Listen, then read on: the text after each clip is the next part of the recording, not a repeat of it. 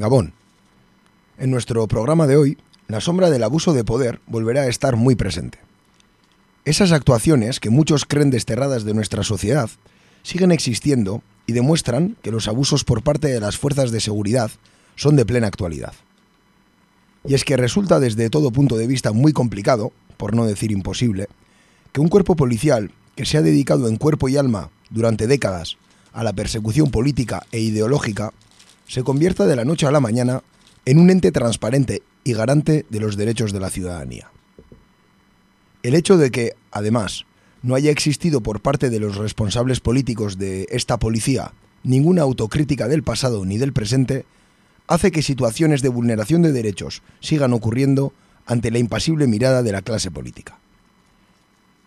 Son muchas las taras con las que carga esta policía y muchas las responsabilidades que aún están por depurar.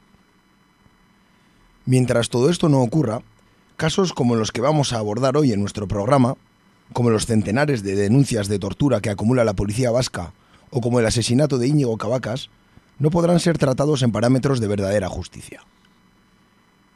Más allá de nuestra tierra, volveremos a Kurdistán, donde Turquía ha iniciado una nueva ofensiva contra las milicias kurdas que promete volver a sacudir el escenario de guerra en Siria.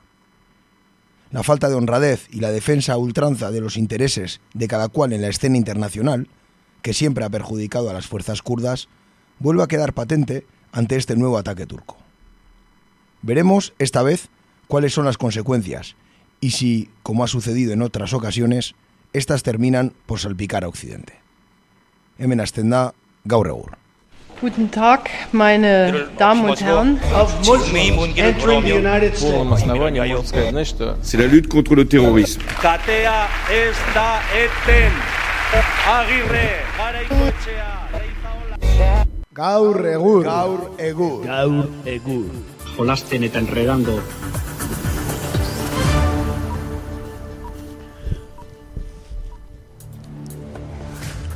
Arratxaldeon entzule, hemen gaituzue beste behin ere astelenearekin fin-fin, arratsaldeko sortziak eta zazpi diren honetan. Eta ba, gaurkoan ere ez, gare, ez gaude FM ez emititzen, oraindik ere arazo teknikoak darrai, baina beno, FM ez, ez baina internetez zuzenean ari gara, eta bestela ba, podcasta edo errepikapena entzuten ari bazara ere, ba, ongi etorri entzule. Esan dakoa, bai, ongi etorri guztioi, hemen gaude, eh, astelenero bezala, eta bueno, ba, egurra partitzeko prest, ezta? Bai, e, gaur ere hotzaiten dut, zu bajurako, goxo-goxo goteko egur pixkat. Hori da, arratsaldean guztioi, beste behin ere, Eta, aurrera, ez? eta egurra. Agurra. Ba, venga, guazen, bertan gaur ere tala erekin. Jolasten eta endurean do.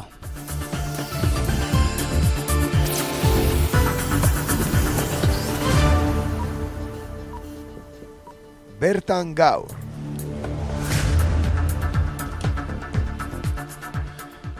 Beno, ba, gaurkoan bertan gaurren e, 2018ko lehenengo elkarrizketa izango dugu. E, ez bai dugu lehendik aurtengoan 2018 honetan elkarrizketarik egin. Eta ba, gurekin izango dugu bainat jatzen barek irizar, ormaiztegiar gaztea. Eta ba, zergatik ekarri dugun, ba, bueno, ba, e, justiziarekin arazotxoren bat izan baitu, e, loiolako arresia izan zen e, egunean atxilotu zuten, eta hortik aurrerakoak nondik nora joan diren kontatuko dizkigu. Izan ere, Loiolako herri arresian izandako gertakaren ari da, bai Beñat Jatxenbarek ormaiztegiarra eta bai Esteban Orbegozo azpeitiarra, ertzaintzak atxilotu zuten 2008ko urtarriaren hogeta bian. Desobedentzia leporatuta. Hasieran eh, atentatu kargoa, eh, leporatu zieten Orbegozori eta Jatxenbareki, baina agenteek grabatutako bideoak ikusi eta gero, ertzaintzak atentatu kargoa kentzea erabaki zuen. Halako zantzurik etzegoela ikusita. Baina, gero, egoera ura baliatu nahi izan zuten etekina ateratzeko, eta ertzainak deklarazioa aldatu zuen. Zuzenean, bi auziperatuek eraso egin ziotela, eta berauneko lesioa erasoaren ondorio zuzena zela esanez. Ertzainaren lesioa zela eta, berme bezala eta erantzunkizun zibil gisa, hogeita laborduko epean, hogeita bat mila bosteun euro inguruko fidantza ordaintzea, eskatu zieten epaitegiak. Akusazioak diru kantitate hori ordaintzea eta hiru urteko espetxe zigorra eskatu zuen orbegozorentzat eta jatxenbarekentzat. Iazko 2008ko urtarrian eta seian hasi zen epaiketa donostiako lurralde auzitegian, baina orduan izandako atzerapenak tarteko otxailaren iruan egin zuten bigarren saioarekin amaitu zen epaiketa, behin betiko. Epaiketa oso argigarria izan zen. Lesionatutako ertzainak ezin izan zuen bere kontra esan azutik mantendu. Iabete batzuen ondoren, izan zuen sententziaren berri, eta erresistentzia larria eta mila berreun euroko isuna eskatu zituzten bi hauzipetuentzat. Orduan Eusko Jaurlaritzaren abokatuak elegitea orkestea erabaki zuen eta ondorioz epaitegiak erantzunkizun zibila beraien gain jartzea erabaki, erabaki dela. Froge kontrakoa erakusten duten arren, hogeita bat mila bosteun euro inguruko fidantza ez itzultzea erabakiz. Beno, ba, ongiet horri bainat. Kaixo, ongieto. Gabon. Eta, bueno, ba, pixkat eh, ondo laburtu aldugu, eh, esan dakoa, o, eh, gertatu zena? Bai, bai, bastante hola sinopsi eharra indezu. ondo, ondo. Eh, bueno, ba, esaiguzu gutxi gora bera, hasi zaitez, eh, kronologiko kingo dugu pixkat, eh, loiolara joan zineten, herri arresi bat, eh, zegoen detuta, ez da, ba, ba, pertsona batzuk atxilotu behar zituztela eta ba, herri arresi bat antolatu zen loiolan bertan, eta zuek gara joan zineten. Bai, danok, danok akordatzen geha, ez? E, gazte mugimendu aurka intzien sareka da basatiaiek. Eta, bueno, ba, 2000 eta, eta amarreko udazkenen izan zen, bueno, ba, 2000 eta, bai, amarreko udazkenen, ba, azken haundi hoietako bat, e, hogeita sortzi gazten aurka, e, sortzi gazteke alde lortu zuen, eta gero, e, haien kokapenan berri publiko eman zuen baxena farron zerela, izpura herrin, Eta bertan, e, bueno, ba, kampaina politiko oso potente bat intzuen, e, bertako eragi ezein haute txibuarik e, haien sustengo erakutsi zieten, eta gero e, izpuratik e, e, haute hauek haien etxeta ematen aiziela gaztek, ba, jendarmek atxilotu intzituzten eta eta guardia zibi entregatu. Eta, bueno, ba, handik e, lau urteta, etorri zan e, epaiketa ura audientzia nazionalen, kontutan hartuta, ba, sortzi gazte hauek ezik, beste hogeie, guardia zibiek eta polizia nazionalak atxilotu zituztena, ba, asko eta askok torturak e, salatu zituztela, eta eta denboraldi e, benetan esanguratsuk zituztela espetxen. Horrela, epaiketa iritsi zanen, bueno, ba, gazte, gazte hauziperatu hauek, bi e, epaiketa enfokatzeko bi, bi planteamendu intzituzten, ez? Batetik, e, epaiketa jun, eta bertan gerra eman eta eta diskurso politikoa plaza hortan e, fuerte mantendu. Eta gero bestetik e, baita e, gazte batzuk erabaki zuten bai paiketa ez agertu eta eta mezu horrei kalen ematea behar zitzaion tokia. Eta eta desobedientzia zibilako dei egin libre libre mugimendukin batea. Eta orduan, bai, deitu zen askegune bat, e, azpeitiko Loyola Basilikan, Ba baita Loiolako plaza horrek e, herri honek bizi on gatazka honetan e, dauken esan nahi edala eta batoki simbolikoa. Eta bueno, agerta inguratu ginen eta eta bi egunen ondoren e, polizi iritsi zanen, ba herri herri arresi antolatu zen. Hori da. Herri arresi antolatu zen, eh e, eskaileratan okerrez banago, ez? O eskaileratatik gertu, eh? Bai, eskaileratan bai. Eta Bueno, ertzaina iritsi, ertzaintza iritsi zen, e, antolatu zineten, elkarri besoa ba, ustartuz eta ez, elkarri lotuz.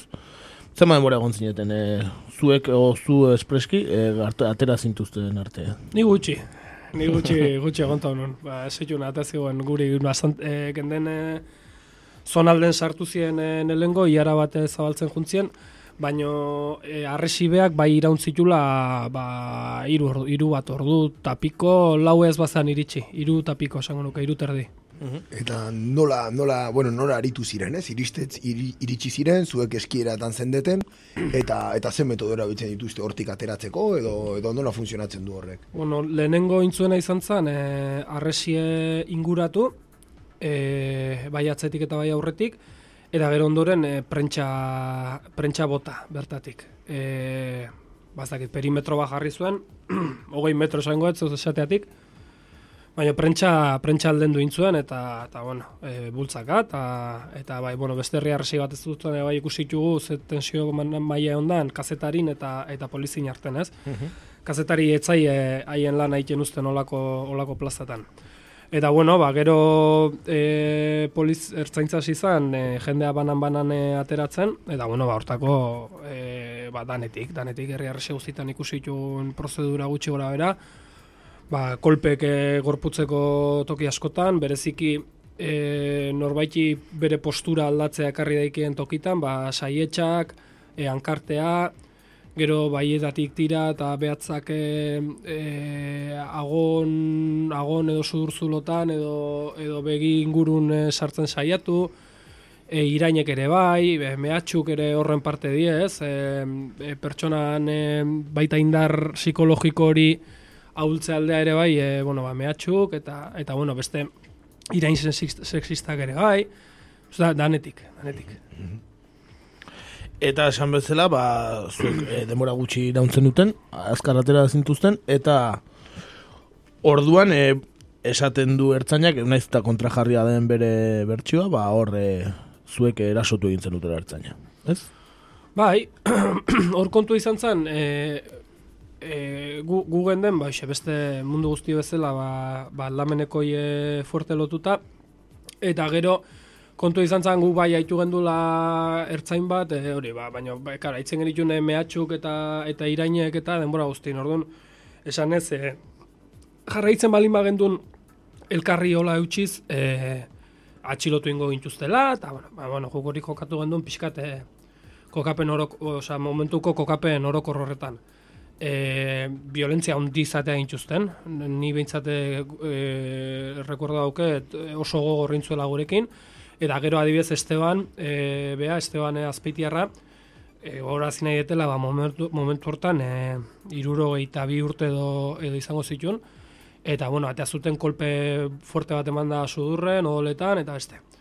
Eta, bueno, bastar batean eman ziguten, eskatu ziguten identifikatzeko, gu, gu irizpide orokorra ez identifikatzea, de nortasun agiri gabe genden, pixkatzalako baita beste keinu bat, e, elkartasun keinu bat, e, auz, gazte auziperatu horiekiko ez, dano genden maskarakin, dano genden e, e, batzuk maskarakin, beste maskarai gabe, e, pelukak ez pelukak, e, kamisetak ez kamisetak, bakoitze bere gauzakin, baino, baino danok esan ez, ba, ni, ni manol naiz, ni garki naiz, e, ni irati naiz, eta, eta hori, e, ni nitzen, tokotzen ezaten manol, ni manol zuek bila izaten Imanol hori naiz.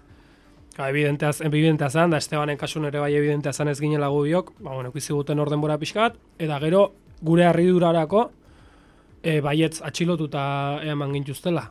Eta karo, ba, hori, ba, gu kotxa egin zen momentu horretan, esan genuen, joder, ba, gure atxilotu bali baitue, komisari beteko da gaur.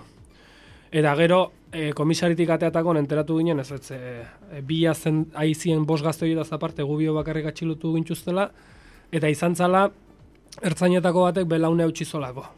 Gu ez ginen konturatureen hortaz. Mhm. Ni ez behintzat. Mm Ba, hori izan zen, ematen donez, eskiara batzuk berago, e, tirak aizala, ba, ibiltzen ja, nin malik bezala, haien honetik ateata, eta ingo zuen indar, indar gehiegi, eskiara batzutan pauso txar bat eman, eta bela, eta belaune ba klaska intzion eta eta gero ba horren ordaine ba toka erabakiko zuen inguruen pixkat eta listo. Puritoko zitza egon Pentsa daiteke orduan agian e, behaien estrategian barnezala bost atxilotuetatik aparte norbait gehiago atxilotzea horako zo zer gertatzen bazan beraiei inputatzeko Bai, bai, ni, bueno, a ber, nik uste e, bai jaurlaritza Eta gero ere bai Espainiako gobernu ere beldurtuta zeola, baina azken zen erresistentzia mota berri bat. Eta haiek etzekien oso ondo nola erantzun horrei, ez? Planteatzen dizuna, gazte batzuk atxilotu nahi ditue politika itiagatik, e, gaina jaurlaritzak e, bazterretik endu beharren bialtzen dortzaintza gazte hoien bila, eta gero herritarra jartzen die haien gorputze jartzen du atxilotu nahi dituen gazte hoien eta eta polizin arten, ez? Osea, eginen, eskubide zibil eta politiko basiko oinarrizkonak e, exigituz, e, ni uste herritar guztioi agozkigun eskubide zibil eta politikok. Osa, egin ginen aurra aldarrikatzen e, jende asko kontrakoa pentsatu arren, ez? E, ez dakit, e, e, jeltzalen diskurtsoa entzutea besteik ez dau, edo, edo inkluso beste sektore batzuna, baina hori ezkera hartzalen montaje diela eta este, azkenen gorza ginen eskatzen, eginen e, aldarrikatzen e, biltzeko eskubidea, e, militatzeko eskubidea, manifestatzeko eskubidea, bozkatzeko eskubidea, herritar danak eduki daiken eskubide bat, ba, bere, bere pentsamolde politiko hori praktika emateko kalen, ez? Hortan eginen. Osa, mez, f- trasfondo politiko hori izan, eta haiek etzekien horrei, nola, nola, e, nola erantzun, ez? E, azkenen beti errezagoa da bortitzari bortizki, ez? Beti izan da bortitzari bortizki, eta parametro horietan errezago ulertzen da bortizkeri ebea, ez? E, ikuspuntu guztietatik esaten dut, baina gertatzen da, haiek egurren baten, da ikustezu jende bat, e, egurre jasotzeko prest, horrek eskema politiko batzuk hauste zituen. Orduan, bueno, ba, jarri ziren, bai, ba, nik ezakit aurretik pentsatuz, atxiloketan bat beti onda.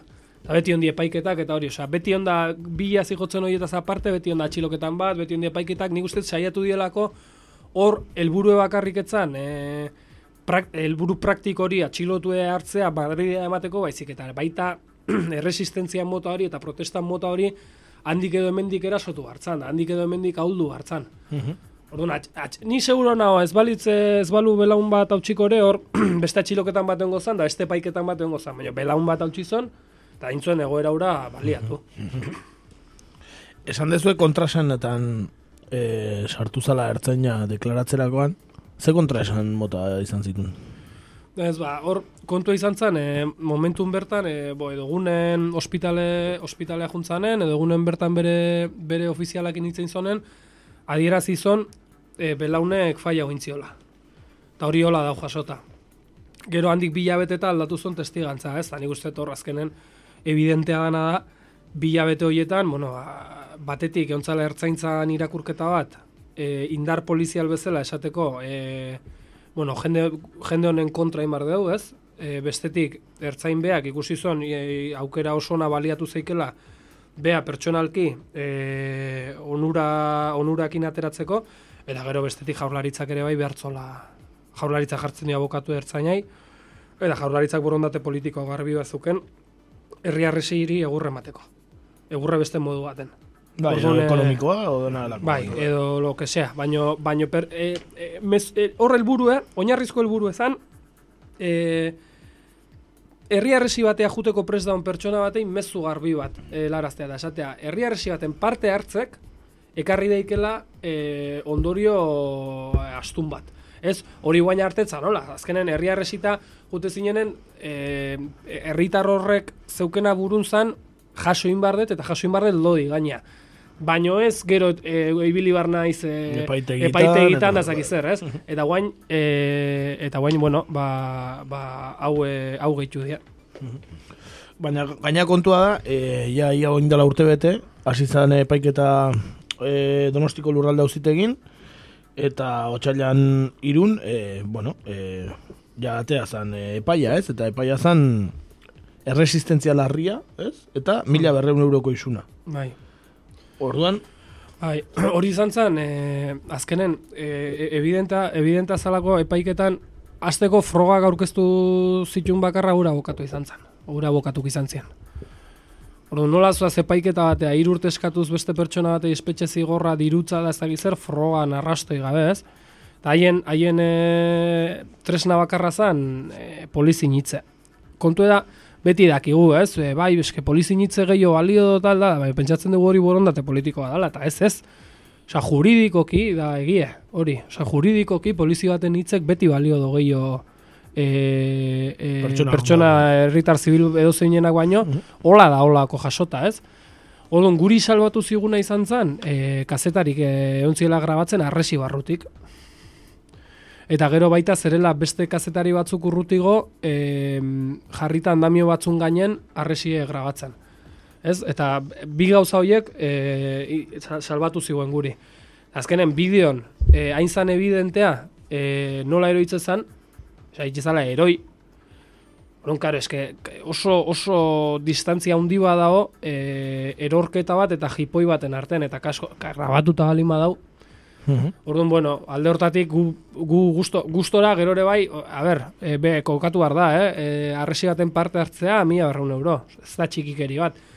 Baina, bueno, manejatze zien zifrakin, e, dirutza eta gero hiru urteko espetxe zigorra, ba, bueno, gu hainbesten atea ginen handio. Gertatzen da, noski, e, jaurlaritzak rekurritu intzola, jaurlaritzak ez zeuken aski horrekin, ez zegoen bere helburu politikoia zuten.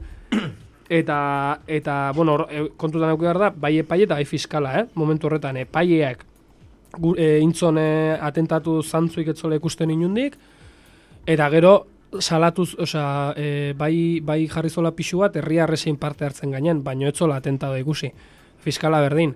Rekurritu zuen, enda pasatzen donostiko epaitegitik epaiket, epaitegi provintzialea, hor e, epaitegi honek, intzon mantendu e, berdin berdin. E, esan nahi, eta sententzia iguala, bakarrik bukaeran e, aldaketa txiki bat intziola, ez? Zuek ez dezu atentado batein, garbi dau, froga eskerrak, frogak zerela bideoz, baino e, bukaeran e, erantzizon parraforrekin indo hankazgora jarri aurrea begira ba, gauza asko, ez? Eta, eta kontu izan zen, e, esaten dola, bai, zuek ez dezue atentado bat egin, baino e, agente honek hautsido belaune zuek parte hartzen aizineten protesta baten zehar. Beraz, e, e, lesio horren erantzun gizun zibila hori zuena da protesta horretan parte hartzagatik. Orduan, karo, ondori hori da oso arriskutsua herri mugimenduntzako orokorren e, bai izan daikelako bai gaztetxe bat defenditzen naizela, bai e, igual zait, ez abortegi bat, ez zure lanpostu edo, edo desauzio bat, eske igual zer, e, polizi batei zerbait gertatzen bali mazaio, baina eske estropuz egin dolako eskaiera. Bai, bai, edo tiesto bat, ero igurun. Edo nor, edo nor izan daitekela horren errudun, eh, judizialki. Judizialki, edo zein izan daikela horren errudun, da horrek zabaltzen do, e, estenatoki oso arriskutsu bat, ez? Orduan gure paiketa jende askotan galdetzen gu, zen muzaete, zen izatea ematen historia guzti eta da, guk esaten dugu, ba, guk eskertzen dugu ardura hori benetan, baino gero azpimarratzen dugu, azpimarratzen dugu, osea, Bale, guri, gure kontue, e, guain eman bar dugu buelta e, zulo ekonomiko handi batei, Eta danon elkartasunei eskerritzen nahi eta hori bihotzez eskertzen dugu, baino benetako arazoa, benetako arazo politikoa, mhm. epaiketa honek planteatzen dona da, gu danoi, e, aurrea begira edozein protesta motatan, jartz zabaltzen digun, testu inguru berri bat, ez? Joko arauek, joko arauetako bat hautsin da. Mhm. bai, noski, iriki dute meloi bat, e, nun edozein protestatan gerta daiteke neo zer gauza, no, e, errudun izan diregen protesta hortan parte hartzen duen edo zein. Hori da, hori, hori da preferen, sortzea, ez? Bai, Jurisprudentzia arriskutsua, eh? Kara arriskutsua. Bai, bai. E, eta are gehiago, nun, suposatzen da, ba, bake prozesu baten gaudela herri honetan, ez? Hori da, hori da, bai, bai, bai, bai. Ez, horrek, eh, bai. suposatu ezakera, esaten zenuna, hemendik aurrera, eta beste guera batzuetan ere, ez, esaten zenuna, bai gaztetxe baten, desauzi baten, edo zein mm. protesta... Eh, bai, bai, edo greba orokor bat, efectivamente, efectivamente. Ez hori, hori adibidez, eh, nik baino baino idatzi izan deturren ingurun, eh, haitzen degunen, ez, eta hori adibidez ezkera hartzalek asko repikatzen duen diskursoa da, ez, estatu ez, ez da hai garai berrita egokitzen, estatue, edo jaurlaritza ez die garai berrita egokitu eta ba, noski hortan arrazoia dauke zenbait zentzu politikotan ba, ez da atzutan ez? Zeske estatue bai e, airi dala eguneratzen e, egoera berria baina ai da eguneratzen egoera berria noski bere mesedetan eta noski bere tresnea represibo jartzeko testu ingururi e, aplikatuta Orduan, leno, e, ezartze zien zigorrak e, bereziki izanen borroka mota bat edo edo frente mota batzuk zienen bereziki pilpilen zerenak, hor sartze zen benetako zigor pff, bidegabean, neurriz, ez da neurrizkan pokoa, ez? Gaur egun, desobedi, azkeneko urtetan, desobedientzia zibil ejunda aspektu ezberdinetan, geroz eta pixu gehiago hartzen, ez? Geroz eta pixu gehiago. Izan da, herria batetik, e, langile batzu jartzea... E, enpresa baten e, e, enpresa bat defenditzen e, ez eamateko beste multinazional baten makina kortik eta haien lanpostu defenditzeko, izan daike Kataluniako prozesue, izan daike pertsona bat e, jartzen duen hankazgora ospitale bat ez dielako euskera zaten ditzen, desobedientzia da geroz eta pixu gehiago hartzen frente ezberdinetan, eta estatu da egokitzen bere makina represiboa, ez denatoki berri horri. Duari gabe, duari gabe. Eta estatua eta zaiganean, ba, claro, jendea pentsa dezake, ba, Espainiar estatua eta zaigala orokorrean, eta ba, horta zera igea, baina agente oso garrantzitsua, e, benetan, kasu honetan protagonista da Eusko Jaurlaritza, ez, ez da ja, Espainiar gobernua, ez da Partido Popularra, da bai. alderdi jeltzalea, ertzaintza eta Eusko Jaurlaritza. Claro, es que EAJ e, e, desobediente zibilek e, hankaz jarri daizke terreno asko ere bai, ez? Eta nik uste gehien bat, e, des, desobedientze zibilek e, beldurra asko ematen die e, eredu bat ezartzen dolako eta zabalagoa dalako. Desobedientzia zibile jende gehiango iristen da. Eta tokintoki aplikatuta, ez, e, da, ekarpen txikipilo bat dijostena norabide baten, ez? Batzutan izango die zerbait ikusgarrigoa, ba, herri arresia handi bat ezela, baina esan da, ezela, oza, desobedientzia zibile jarrera bada. Pertsona bat desobediente izan daik egunero, ez da, herri arresi baten montatu behar hortako, eta e, daukie beldurre, o, o, filosofia horrei, eta eta gero gu e, hori esaten deguna, osea, politika dara lau, lau urten behin bozkatzea, edo ez bozkatzea, abstentziako deie ja lau urten behin.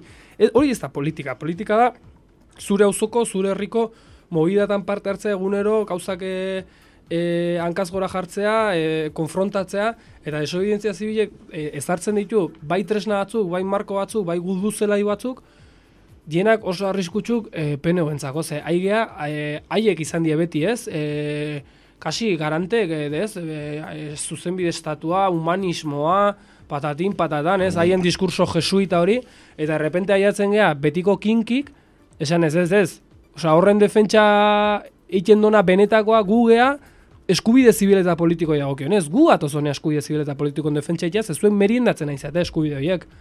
Eta izate e, e, merindatzen, etxe bizitza eskubidea, herri honetan euskerak bizira izateko eskubide hori, Aizate, e, lan, lan eskubidea baita, e, ez dakit, oza, frente pilo batetan, eta orduan, EAJ, ni uste, daula oso beldurtu da horrekin, eta bueno, ez da ikustea besteik, ze jarrera eukiduen e, Kataluniako prozesukin. Ze ze izan da Kataluniako prozesu ez bada desobedientzia prozesu bat izan. Bai, argi eta garbi. Bai, bai. E, gaineratuko nuke, pentsateta oso ongo zetela, lehen hau ere ondia la movimentu desobedientzia zibila bultzatu dutenak, ez? Ba, agian, ba, gaztetxe movimentuak, e, movimentu ekologistak. Demo. Eta, bai, eta jaurlaritzatik eta hartzentzatik ere beti mantzai egurra. Kontua, igual, ba, egoera politiko orokorra aldatu indala, ez? Eta orain ba desobedientzia zibilera bultzatuta daudela ba eragile politiko guztiak eta ba hori esaten da izan ez zaiola bat ere gustatzen. Esan nahi, e, beti egin du errepresioa desobedientziaren kontra ertzaintza bakarrikan bai. orain bai, bai. kontra egiten kontra dukan gauza bakarra dela eta ba ez duela estrategia zaldatu. Eta polizia foralak eta jendarmek ere bai beti indu oso gogor eh, desobedientzia zibilen kontra gerratzen da. Hori ba, ba momentu baten adibidez e, hori esaten du ez? E, itoizeko kablek moztu zituenak eta itoizeko, itoizen kontra borroka intzon jendek esaten dizue demok e, esaten dizue e, talde bat ere bai leno izena zona zutik intzituztena ekimen oso, oso interesgarri bat arten igual ezagunena e, Sevillako giraldiana jende honek esaten dizue ez? Guai ginen mobide horiek egiten zentralidadea e, zeukenen borroka armatuk eta estatun errepresiok. Eta gure aktibidadea zen garai horretan zentratuta, gero, aparato judizial, politiko, komunikatibo osoa, zeon, e, e, bideratuta e, borroka armatu kontra eta ondorioz ezkerra hartzaren aurka mugimendu politiko bezala, ez? Horrek gaur egun irauten do. Gertatzen dena da, e, borroka armatu desagertu danen, e, ikusi da, desobedientzia zibile eta, eta e, borroka molde hauek diela, ba hori, osea, momentu honetan haientzat e, ba, arrisku handina, o haiek ikusten duen e, etxai, etxai handina, ez, momentu honetan. Eta zentralidade bat hartzen duela, jendea konbentzitu daikela, jendea aldun du dezaketela, eta gaina praktikan, e, garaipen txikik lortu, ez, egu belaunaldi bat, ez da ona oituta irabaztea. Osea, ez da, garaipen gu, oso gutxi dauzkeu zerrendan, osea, oso zerrenda zuri daukeu atzetik. Eta desobedientzia zibilekin, ba, pues, bueno, ba, demostratu da, desauzio gelditu diela, etxe kaleratzek e, gelditu die, e, gelditu ditu gaztetxetako, gaztetxetako desalojok, e, lortu da euskera, euskera lanpostuk e, hartzea osasunetxe batzutan, e, lortu da, desobedientziak txikitik eragiten do, eta txikitik eragiten lortzen ditu helburu txiki horiek, ez da, die helburu txiki pilo bat, orduan, ostia, ojo horrekin, ojo horrekin, e, e, praktika bezala zabaltzen balima da, e, hori, ojito. Hor, kriston, kriston indargune daukeu. Eta momentu honetan, e, alimentatu behar dugu pilo bat, eta gaina alimentatu behar dugu pilo bat, e, e, planteatzen dugun fronte bakoitze, irabazten dugun terreno bakoitze, hor dugu kriston, kriston tresna, konfrontatzeko, ze, gero ere bai, e, pixkat, e, kritika txiki bat ite aldea herri mugimendui, herri mugimendu da oso zentratuta eta oso bideratuta herri mugimendu orokorren esate, eh? Azkeneko urtetan eraikitzea, ez? Eraikuntza modan dago, eta eraikuntza dago modan, ez deulako ISR zein azkeneko amarkadatan dedikatu da konfrontazio utxe eta ez dugu eraiki. Dagoen eraikuntza dago modan, da dana eraiki, dana eraiki, dana eraiki. Eraiki bar da, ez? Eta gune lengok eraikitzen. Alternatiba berrik eraikitzen. Baino, e, konfrontazioa esagertzen bada, hemen ez da ezer gelditzen, eh? Osea, konfrontazioa da alimentatzen dona eraikuntza hori, konfrontazioa da e, kontraesanak planteatzen dizkiona etxaiei, konfrontazioa da gaiei pilpilen jartzen dituna eta ondorioz aurrea pausoke amatea bideratu daiken testu ingurue, gatazka da beharrezkoa. Eta momentu honetan gatazka planteatzeko tresna nagusia daukuna, desobedientzia da. Bai, ados. E, ala ere, horrelako desobedientzia txiki ikusten dira oraindik ere gaur egunean, baino ez mezu politikoen alde eta desobedientzia horrela movimentu edo ekitaldin handi bat, e, bueno, azken aldean ez, ez da gertatu ez da ere, ez? Mm, ba, herri, herri honetan egia esan ba, azken aldin gutxi, baina baita nik bai uste, e, garelako e, eraikuntzan baita asko zentratzen nahi gala, ez? Ni uste eraikuntzan asko zentratzen nahi gala. Be, gure indarran euneko haundigi jartzen nahi eraikuntzan. Eta, eta azkenen guk ez badegu, ez baitugu planteatzen e, gudu zelai berri horiek, baz ditu inorrekingo. Eta, eta hori esaten deguna, osea ez dezala inorrek pentsatu e, desobedientzia zibile planteatzen nahi galako, jaz da nik egon behar atxiloketa, ez da nik egon behar presoik, ez da nik egon behar represioik, eskortaz izketan egia, osea, gatazkak hor jarraitzen do, gatazka ez da konpondu. Hemen elkar bizitza eta bakea eta historiak esaten dienen, bueno, elkar bizitza termino batzuk edo beste, Bale, konforme, horre honda izke, baina horrek ez doin hundik inoa esan nahi, e, batak ez do besteak entzen, eh? E, guztiz kontrakoa, osea, e, gatazka hor dago, gatazka ez da konpondu. Gatazka eman bar dugu beste estenatoki batea, eta, eta eragin bar dugu gure txikin. Osea, eragin bar dugu urretxon, eragin bar dugu zumarran, eragin, osea, eragin bar dugu hemen. Eta eragin bar dugu e, hortan e, sakonduta. Ta, baina eske hori dagukigu, edo zein, eta daukeu kultura politiko bat, da ona e, oso begira zuzendaritza, tai? Ez, dago begira zai, eta eta ni uste baita, e, eta benetan, eh, hemen berriro esango, eta zen iritzia, osea, irutzea askotan, aurpegirat zaiola adibidez, e, ezkerra gertzalei, ez dala askite nahi, ez? Esateko, eske, instituzionalizatu inda, konfrontazio aztu tal, egie da, hori egie da, zentzu handi baten. Baina eske, gaur egun, e, gauzak asko aldatu die, esan nahi gu edo zeinek planteatu dezakegu hori, osea ez dago, ez dago ezkera, ez dago hemen otegi esateko zuri ez dezula planteatu behar e, desobedientzia zibil fronte bat zure herrin ez dakizeren ingurun. Eske zure esku dago, ez egon zai inorren zai. Mm Hori esaten dut danantzako, eh? Osea, ezkera hartzalea bai ez, igual zait. Danantzako esaten nahi naiz, osea, ezin da egon zuzendaritzan zai.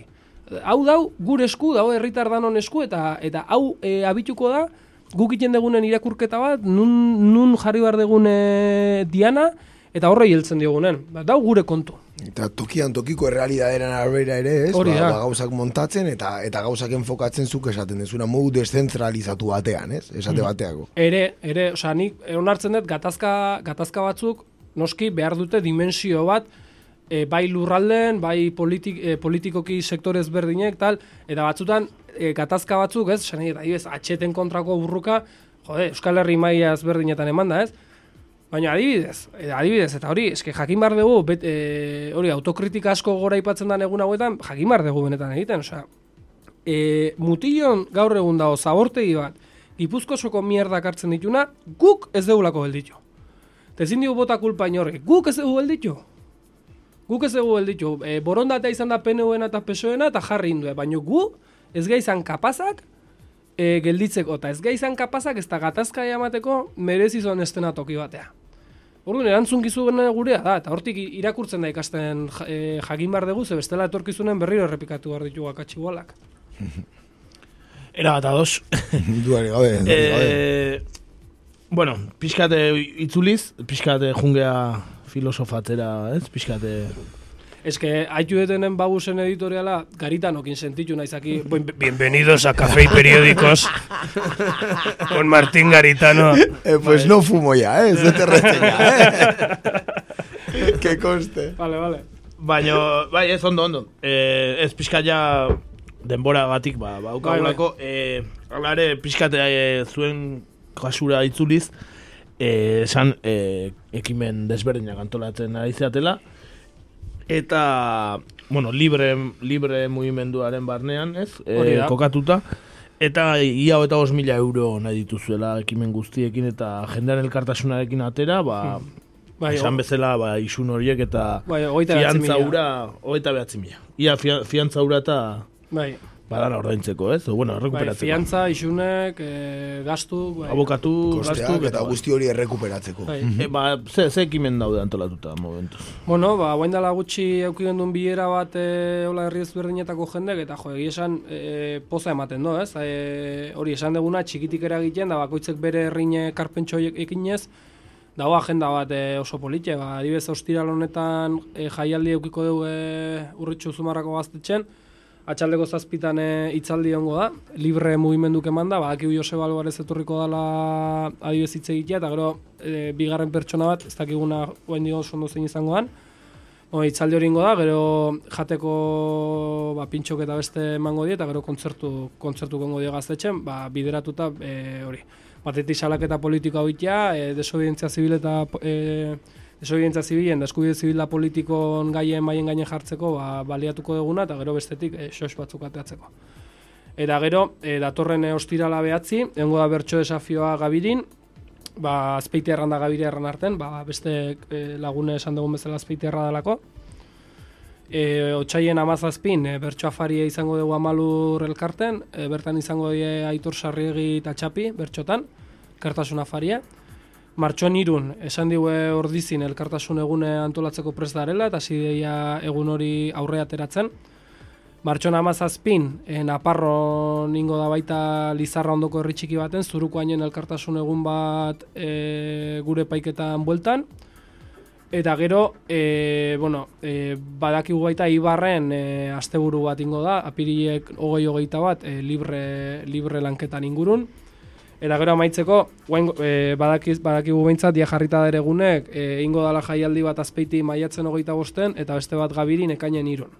Orduan hori da guaingoz, e, da ona planteatuta, baino gero hori, osea, ekimen txiki asko egiten nahi ez? Ba, adibidez, e, batzuk bigarren eskuko azoka jartzen duela, beste batzuk haien herrin herri bazkari bat da honen gazta bat pasatzen duela zozketa bat iteko, beste ba, hori, ekimen nola oso txikik, eta horrekin ba, pixkanak aigea, e, baita libre lasterketa donostin, maiatzen amaikan adibidez, libre lasterketa bat antolatu do, Eta bueno, ba, olako, olako ekimenak, ez? E, hori, ba, da jendea gonbidatzea e, txikitik, e, bere herrin indaizken gauza txiki hori, zeu ez geha isartzen karpak, Jesukriston kontzertu, ez dakize, olako historietan ez geha isartzen, pues, nahi degulako baita e, txikitik, bakoitze bera uzon, e, e, azaleratzea, zein dan eskubide zibil eta politiko negoera herri honetan, hori da helburue.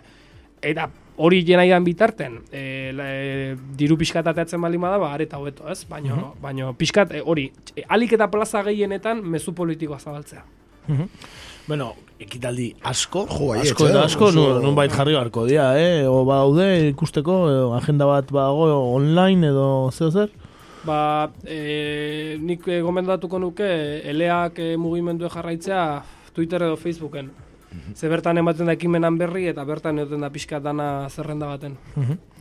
E, ba, bentsat gogorarazi, ostiral lontan, e, urretxu zumarran, ba, gaztetxen egon godala, bai itzaldia, bai gero kontzertuak, eta bi aste barru, hiru aste barru, bi aste barru, e, amalur elkartean, e, bertxo, Oia, amazazpin. amazazpin, otxai amazazpin, bertxo afaria. Bentsat horiek gogorarazi urretxu zumarragan dielako, Behintzat Hemen ingurun tokatzen. Eta beste guztiak bai, bai gabirin, bai ordizin, eta esan dituzun guztik. E, apuntauta daukat eta ja karrietela e, kontu korrontea diriki omen dezu ere, bai? Bai, bai, kontu korronte bat saldu dugu, ba hori, ba jendek eh, nahiko galu ekarpen bat eman e, gure e, gure kontua, pues, e, bertatik egiteko, etxetik indaike transferentzi txiki bat, bakoitzek e, ikusten dona, emateko modun dagona, ba, ba eman nahi balima da, ba, ba hor dago kontua. Esan ingo den numeroa.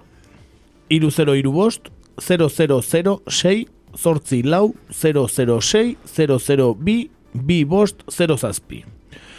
Errepikatu ingo dut, e, apuntau, hartu boligrafoa eta papela, mesedez, eta zenbakia, kontu korronte zenbakia da, iru 0, iru bost, 0, 0, 0, 6, sortzi lau, 0, 0, 6, 0, 0, bi, bost, 0 zazpi. E, bi aldiz errepikatu ezatik, irratxa jo hau enpresa handien jabe askok eta entzuten dute. Oso modan gaude, azken aldian. ba, nahi baute donazio bat egin, behaien enpresatikan, edo, ba. Adibidez, Esteban Orbegozo... Esteban Orbegozo da zurekin eh, Atxilotu auzipetuta dena hori. dona, eta... Pena ez dala Arcelorreko Esteban Orbegozo, bestela jain da genduke. Bai, Ez da hemen Orbegozo nezer, bestela... Usted, usted herria errezin ziola, baino azkeneko filan. Bai. Hori, vale, ez zitzaion tokau, eh? Ja, Libra guintza, que cabrón, eh? Bai, ez Orbegozotara famatu herri hontan, ba, ja, espaldi ez ditugu hemendik ikusi ez, edo? Ez aspaldin eta ikusi ditugunen normalen Gauza eskuak atzean izan da. Bai, ez da. Haiek ere atxilotuta. En fin. En fin. bueno, eh, ba, gure partez besterik ez, zer gaitu nahi baldin badezu, bainat? Ez, ba, pixka eta esan dako, oza, azkenen e, guk azpibarratzen deguna da, e, ekimen txiki horiek, ekimen txiki dana kontatzen duela, eta eta bereziki az, e, azaleratzeko eskubide zibil eta politikotan atzeiten nahi gela, eta hor galtzen balin badegu, asko, asko, asko ikaragarri galdu behar degula, pilo bat. Eta gero iz, kostatu hartzaigu ikaragarri errekuperatzea. Orduan batetik egin behar da resistitu eta bestetik e, irabazten jun. Hori da. Orduan dana gonbidatuta zaudete, lehenik eta behingoa, ba, ostiral honetan, e, itzaldi interesgarria, gero mokadutxo bajan, eta gero, ba, ba parranda egingo dugu, ez? Musika ona, eta... Esfortzu egingo dugu. eta parrandatxoa. Beraz, ba, hor ikusiko gaelakoan, mi esker, mi esker bainat. Mi esker zuei, unea gonbidatzatik, besa- besarka da badanoi. Eta nahi dezun arte, bai. Hori da ez unen etorri. Eta abesti bat jarri hoi dugu bertan gaur bukatzerakoan. Gaurkoan e, Niña Coyote eta Chico Tornado ekarri dugu. E, nola duka izena abestiak? Lehertu. Ulertu. Bueno, ba, ulertu abestiarekin, bitartean agian bi abesti jarriko ditugu jarraian, horrela denbora emango dugu bainat eta zagurtzeko. Así que bi abestitxo eta orantxe gatoz. We're, we're, we're now going to progress to some steps which are a bit more difficult. Re- re- ready, set, and begin. Begin.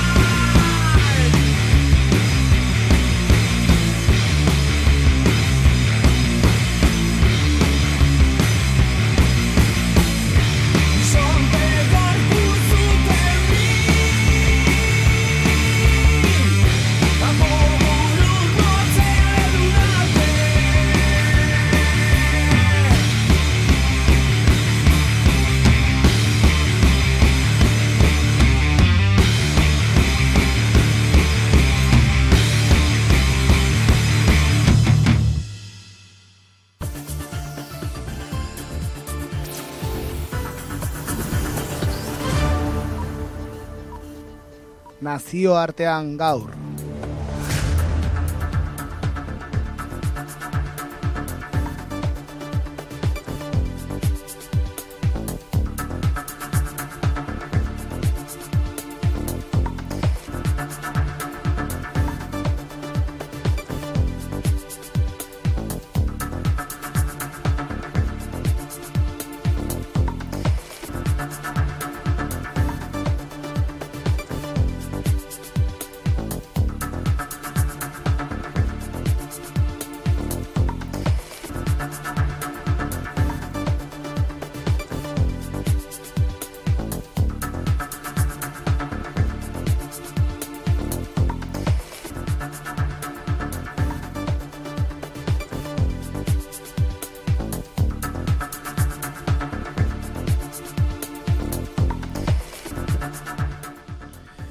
Bueno, pues pasamos a la sección internacional, ¿eh? después de esta interesantísima entrevista ¿eh? con Beñat Hachenbarek.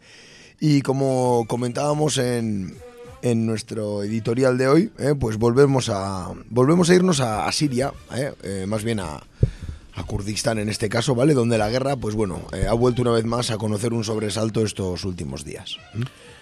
Y es que el día 20 de enero el ejército turco ponía en marcha una operación militar de gran envergadura, invadiendo territorio sirio para atacar por tierra y aire, y aire el enclave kurdo de Afrin. Sí, no, no es la primera ocasión en la que Turquía rebasa sus fronteras para atacar poblaciones controladas por las fuerzas kurdas. Hoy vamos a relatar lo que allí ha ocurrido estos últimos días y a analizar qué incidencia puede tener en el desenlace de una guerra que ya dura siete años.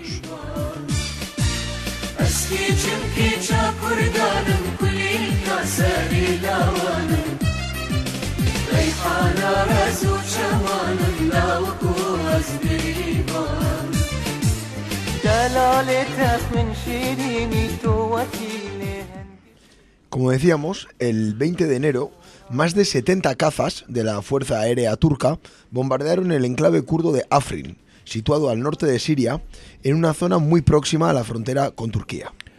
Esta zona, como prácticamente toda la zona norte de Siria que hace frontera con Turquía, ha estado controlado por las unidades de protección popular kurdas desde 2013. El hecho de que las unidades de protección popular kurdas y sus milicias femeninas y masculinas, conocidas como IPG e IPJ, controlaran toda la franja norte de Siria y por lo tanto la frontera turca con esta última, provocó desde el minuto uno una profunda preocupación en el gobierno turco. En agosto del 2016, Turquía realizó su primera operación militar oficial contra fuerzas kurdas en territorio sirio, la conocida como Operación Escudo del Éufrates. Sí, durante esta operación y bajo el pretexto de la lucha contra el terrorismo, en la cual Turquía incluye tanto a Daesh como a las unidades de protección kurdas, se desplegaron 7.000 soldados turcos. Eh, a sabiendas de que la presencia del Daesh en la zona era prácticamente inexistente, Turquía atacó posiciones kurdas durante cinco meses y logró partir en dos trozos el territorio controlado por los kurdos, lo cual ha supuesto un contratiempo importante para las fuerzas kurdas.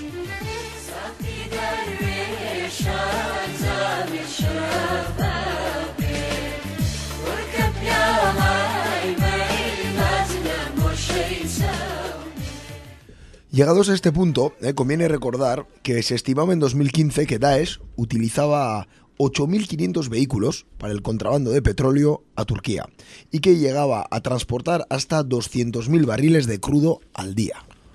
Incluso en 2015, el presidente de Turquía, sí, el mismísimo Recep Tayyip Erdogan, y su propia familia fueron acusados, entre otros, por el Ministerio de Defensa ruso de lucrarse con este tráfico ilegal. La operación iniciada por Turquía hace 10 días, que paradójicamente es denominada Operación Rama de Olivo, muy original, es una vuelta de tuerca, eh, es una nueva vuelta de tuerca a las fuerzas kurdas en la zona y no parece que Turquía vaya a apostar por la contención. El gobierno turco ha vuelto una vez más a declarar que se trata de una operación contra el terrorismo de Daesh y las fuerzas kurdas, siendo de nuevo notorio que Daesh ya no tiene presencia en la zona, por lo que solo es contra las fuerzas kurdas. Así es. El día 21, el ejército turco tomaba el control de 11 posiciones kurdas y bombardeaba aéreamente muchas más. Según los mandos del ejército turco, el objetivo inicial de la operación es crear una zona libre de fuerzas kurdas de 30 kilómetros de profundidad. Pero el presidente turco Erdogan, eh, en su ya clásico grandilocuente estilo, eh, anunciaba a toda pompa que, comenzando por el oeste, paso a paso, aniquilarán el corredor kurdo hasta la frontera con Irak, es decir, todo el norte de Siria. Y es que la Federación Democrática del Norte de Siria, antes conocida como Rojava, que es como se llama la zona bajo control kurdo, es un proyecto político inédito en todo Oriente Próximo. Así es, lo hablamos eh, en, día, en nuestro programa en su día. Eh, bueno, es un proyecto y un territorio que cuenta con constitución propia y estructuras políticas, militares y administrativas sólidas, que además están, están basadas en valores de igualdad de género entre mujeres y hombres, la laicidad, el respeto al medio ambiente o el socialismo democrático. Cosas que no gustan en la zona y por eso la insistencia de todos los actores regionales en acabar con ella y sobre todo pues la de Turquía que como sabemos siempre ha tenido una gran disputa con el pueblo kurdo.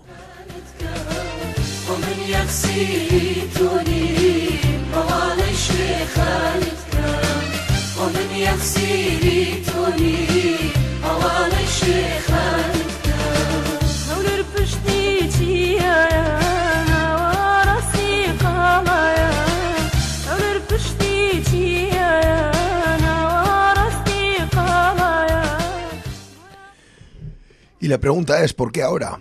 Pues bueno, son muchas las que ven una maniobra de, Erdogan para reforzar su imagen en torno al conflicto sirio, eh, en el cual pues ya ha cosechado varios reveses. Desde su implicación y la de su entorno en el tráfico del petróleo, al derribo de un caza ruso por parte de un caza turco al haber supuestamente entrado en territorio aéreo turco, lo cual le supusieron varias sanciones económicas por parte de Rusia, pasando por las incesantes sospechas de pasividad sobre la vigilancia fronteriza turca, a raíz de la cual miles de combatientes de, Daesh habrían entrado a Siria, bueno, pues todas estas son una de las razones. Así es, Eh, pero parece ser que esta, esta nueva operación militar eh, ha vuelto a, a exacerbar un poco pues el sentimiento nacionalista turco, que, que, bueno, que está bastante arriba, vamos a decir, de estos dos últimos años. Y bueno, pues eh, además eh, tiene el apoyo de los grandes medios del país, eh, eh, que bueno, pues apoyan este tipo de intervenciones, vamos a decir. apoyan todo lo que hace Erdogan, ¿no? El diario, por ejemplo, el diario Hurriyet titulaba tras el primer día de intervención Turquía, un solo corazón, mientras el periódico Sosku anunciaba en grandes letras en su portada golpeamos a los traidores. Bueno, eh, no hay más que decir, ¿no? En el pensamiento nacionalista turco. Sin comentario, el primer periódico, desde luego, no es de los más, eh, vamos a decir, extremistas, es decir, es un periódico supuestamente moderado. Es el país de Turquía. Efectivamente, y el Sozcu pues es el ABC. Eh, la pregunta que surge ahora es si alguien apoya a Turquía en esta invasión, eh, que puede tener consecuencias imprevisibles en el desenlace de la guerra en Siria. La verdad es que esta nueva operación no hubiera podido iniciarse de no encontrarse allí las tropas rusas que hasta hace escasas semanas se- seguían en misión contra el Daesh. Así es, las tropas rusas se han marchado de la zona, ¿eh? se marcharon hace, hace pues bueno, unas, unas semanas.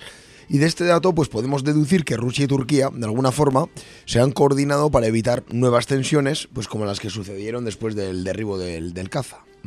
Vamos, que han llegado a un trato entre ellos. Sin duda. Por otra parte, el gobierno de Bashar al-Assad, por medio de su Ministerio de Asuntos Exteriores, expresó su enérgica condena tras otra flagrante agresión turca en territorio sirio. Aunque a nadie se le escapa el hecho de que las milicias kurdas salgan desgastadas de esta operación favorece también de alguna manera al propio al-Assad. Sin ninguna duda. Y la siguiente pregunta es, ¿y en Europa qué?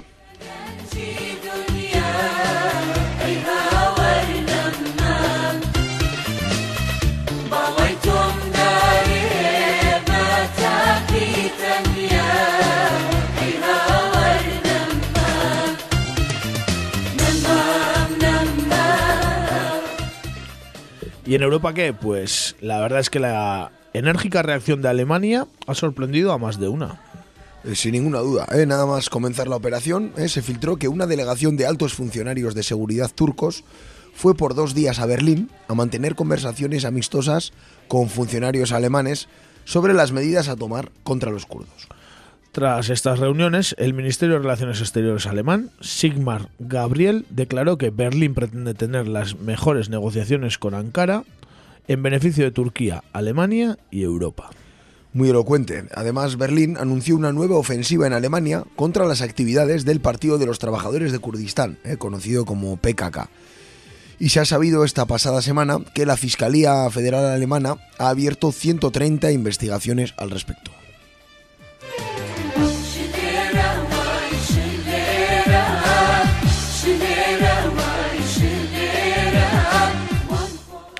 Eso en cuanto a Europa, pero parece ser que las prioridades, por ejemplo, ah no, perdón, pero por su parte Estados Unidos, que mantiene una alianza táctica con algunas fuerzas kurdas, anunció que su secretario de Estado, Rex Tillerson, había mantenido conversaciones con sus homólogos ruso y turco sobre asegurar la estabilidad en el norte del país.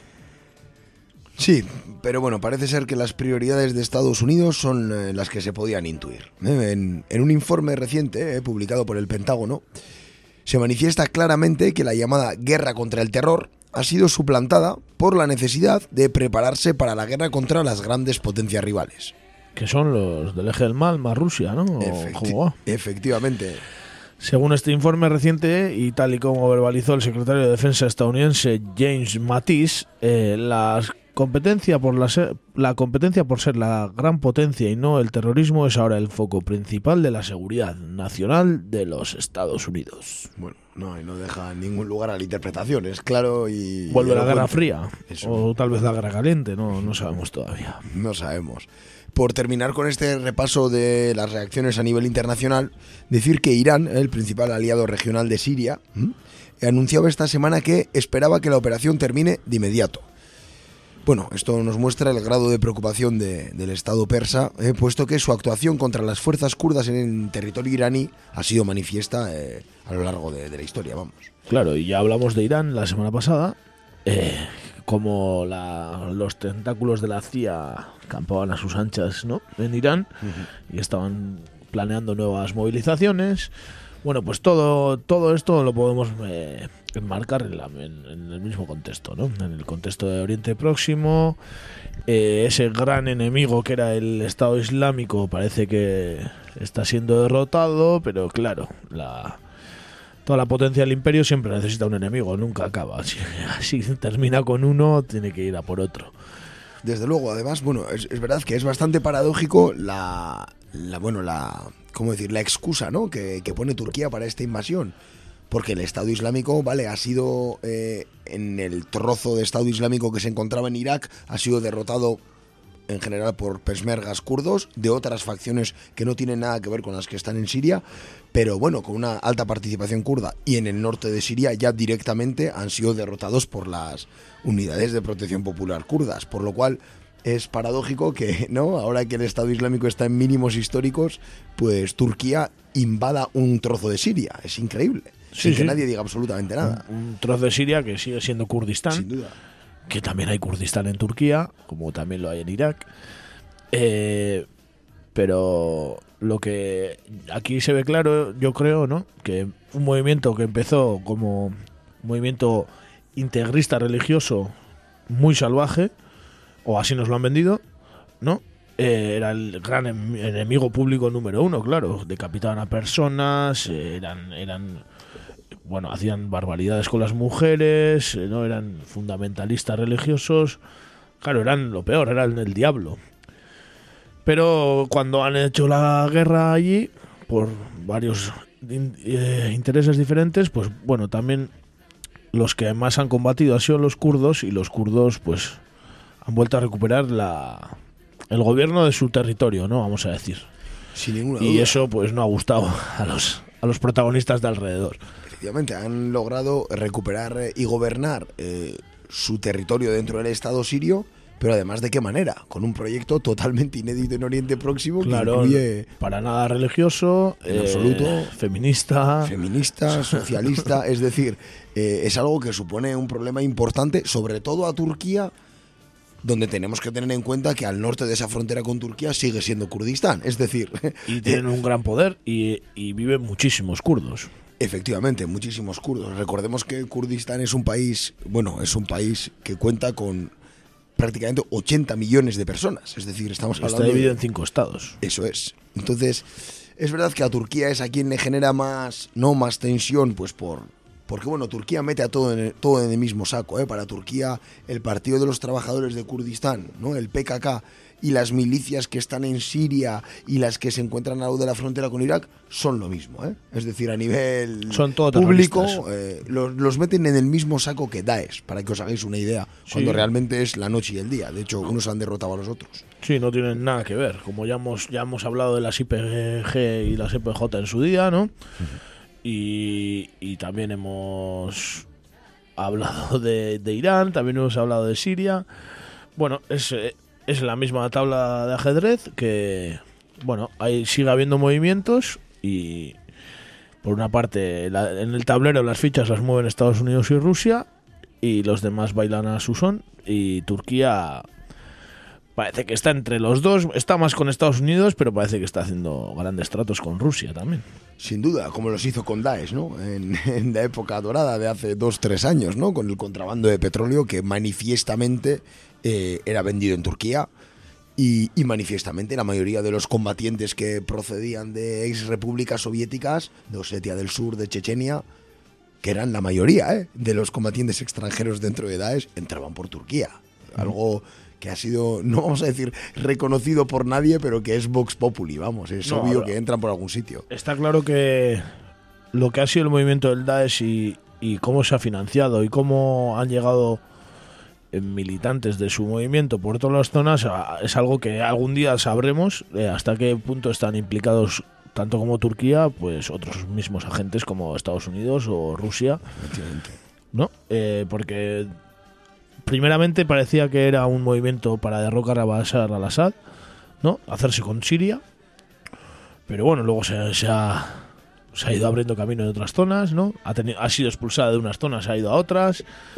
Eh, y, y claro, hay que ver, hab- habría que saber de dónde ha, empezado ese movimiento y quién lo ha financiado. Yo creo que el Pentágono tenía línea directa, pero es solo una suposición mía.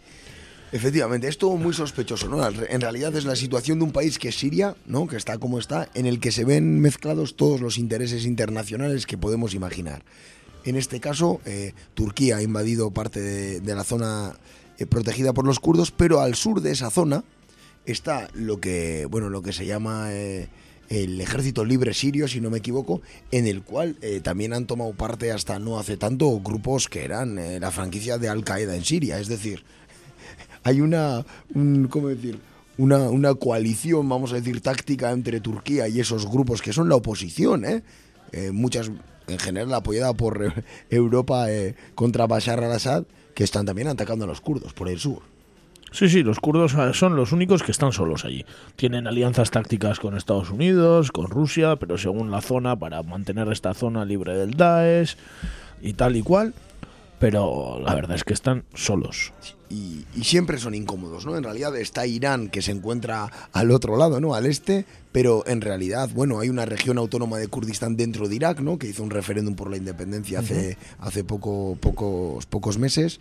Eh, y yo creo que también Irán tiene, tiene parte de preocupación en este asunto, porque hay un corredor que empieza en la frontera, eh, en la frontera turca y termina en su frontera, donde también hay kurdos. Es decir, todo el mundo se preocupa porque les salpique el poder que han conseguido las milicias kurdas eh, a base de lucha, claro.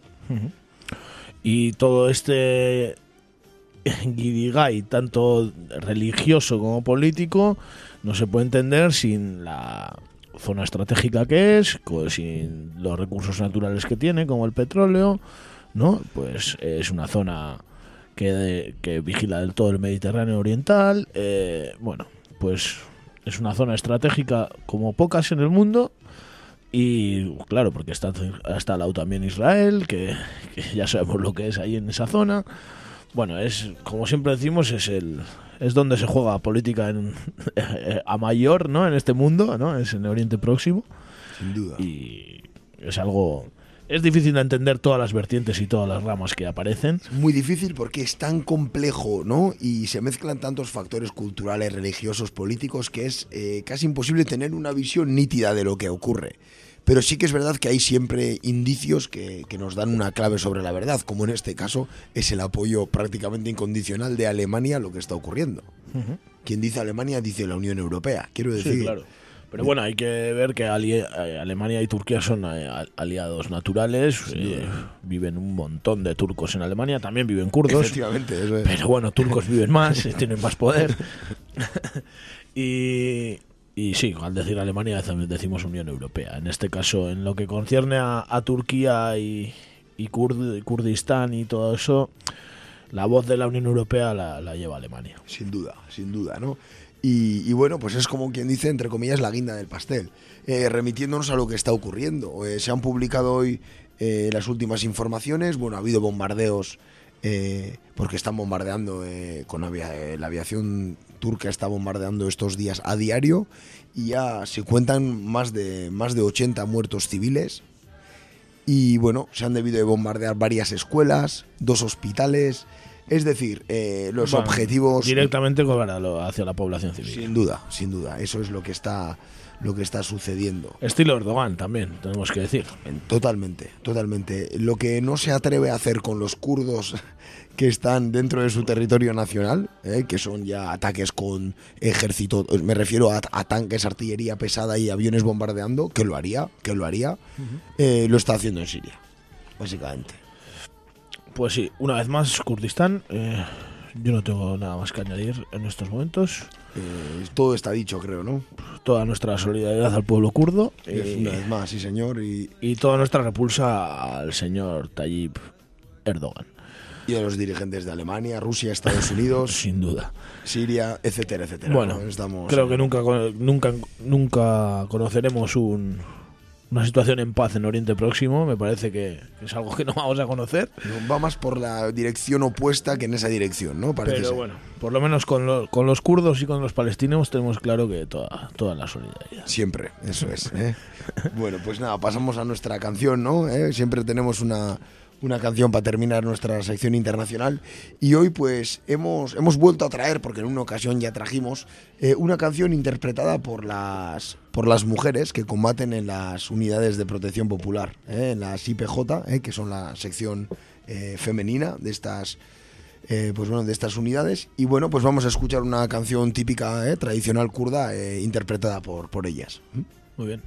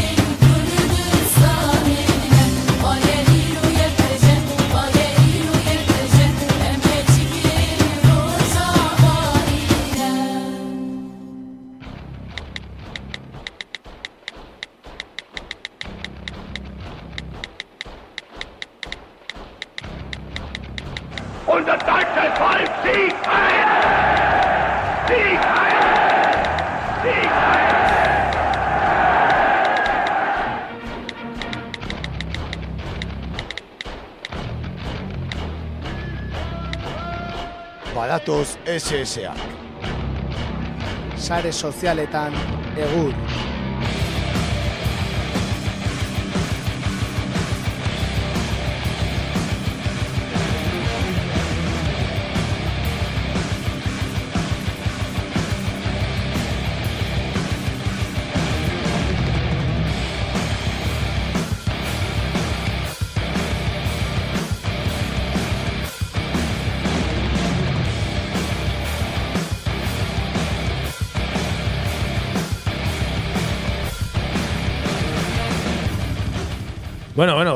Zer diote ba, aste honetan sare sozialek, a ber. SSAk. Bueno, ba, ba e, Euskal Txio batzukin joango naiz, gutxi egoten dira, normalean, ba, Euskal Humorea eta hola, ba, nahiko zaila izaten bai da. Zaila detektatzeko Bai, sareetan, ez? Eta, eta jende gehienak ba, erderako joera duelako ba, umore beltzarekiko.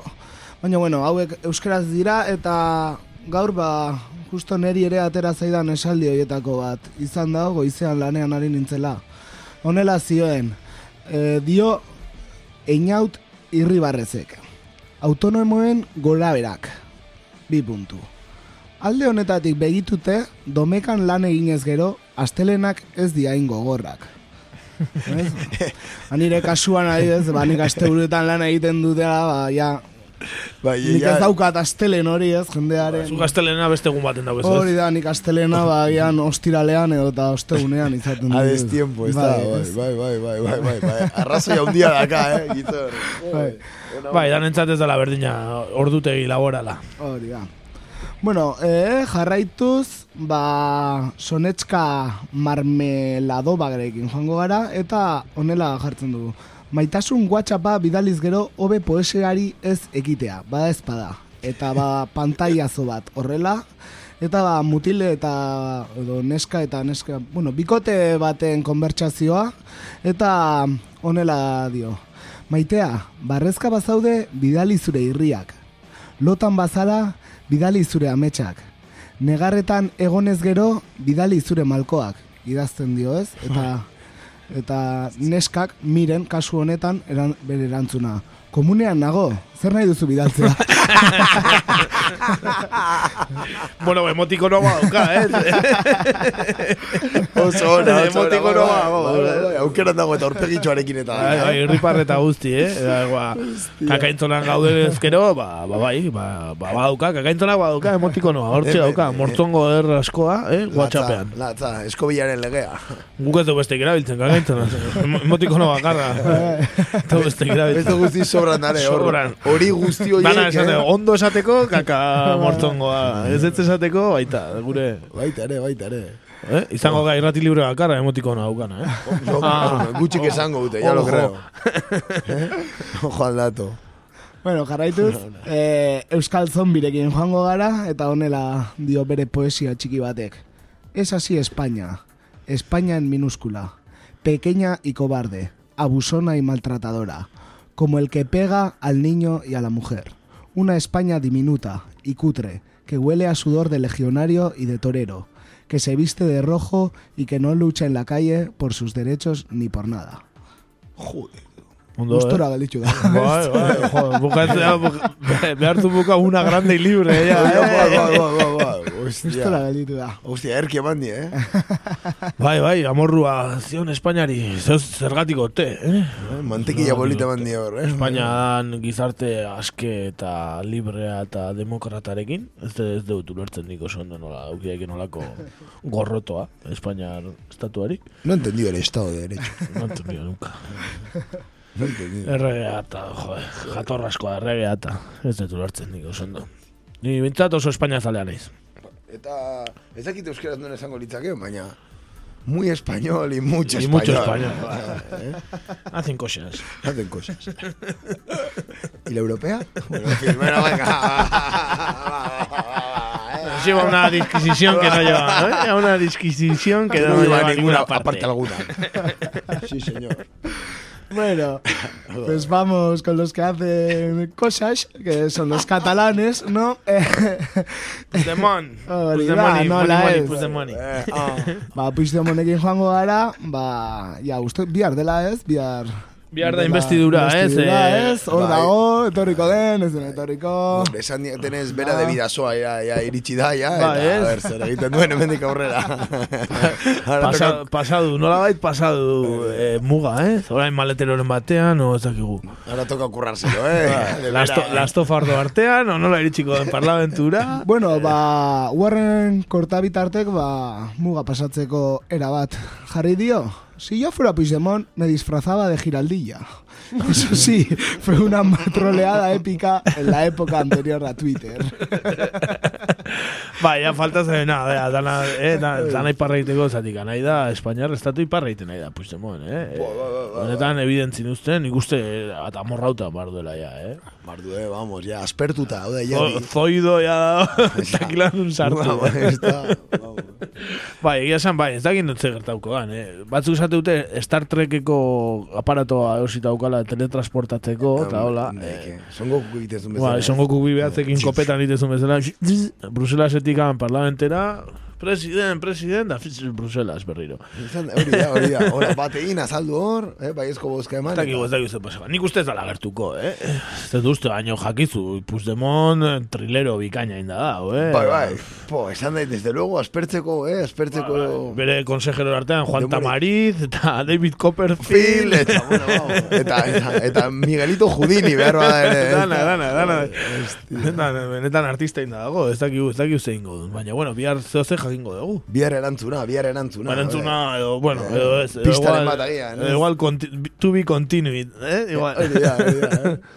Bai, bai, bai, a ver. Ba, hoxe dana.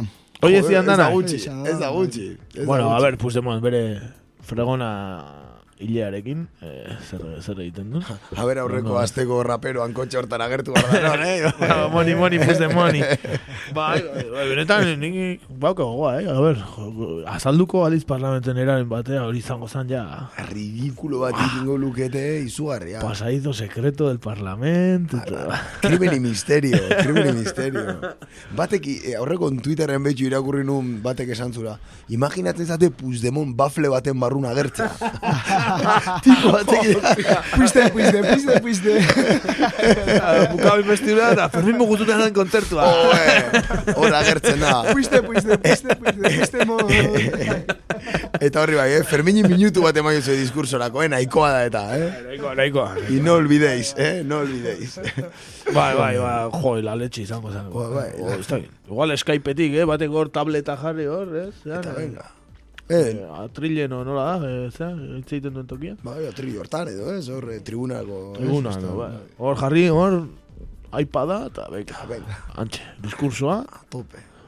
Eta gita, a ber, bihar, bihar entrauko gata, komentauko dugu. Ber venir, ber venir, hori da, ber. zer Seguro, pasatzen baietz. dan. Denaen, bueno, urrengo astean ukiko dugu tartea komentatzeko, eta ta hoixe, eh? Ba hori xe, guztia gaurkoz, elkarrizketa mardula, Kurdistanen gaur egungo egoera eta zer hitz egin dugu, benetan irratsaio kompletoa, eta mila esker horregoetatik entzule, ia ordu terdi egin dugu, ia. Gaur luzatu egin bai. Eta, ba, hori xe, mila esker, eta urrengo astelenan, hemen egongo gara. Hori da, eh? ba hori, eh? agur bero bat ere ba, txapa irratitik, ez, entzuten gaituen guzti hoiei. Bai, hori da. Eta, eta denoi orokorren, bezarka bat, gaiztok izan da, urrengo aste arte. Hori da. Ba, ja, Abestia? inauteria kasi dira eta, ba, azúcar, ba, Celia Cruzen la vida es un carnaval. Venga, pues. Venga, venga, gozo, Venga. gozo, bero dago gaur eta. Hori da, ez Hola. muntxa, venga. Es un carnaval.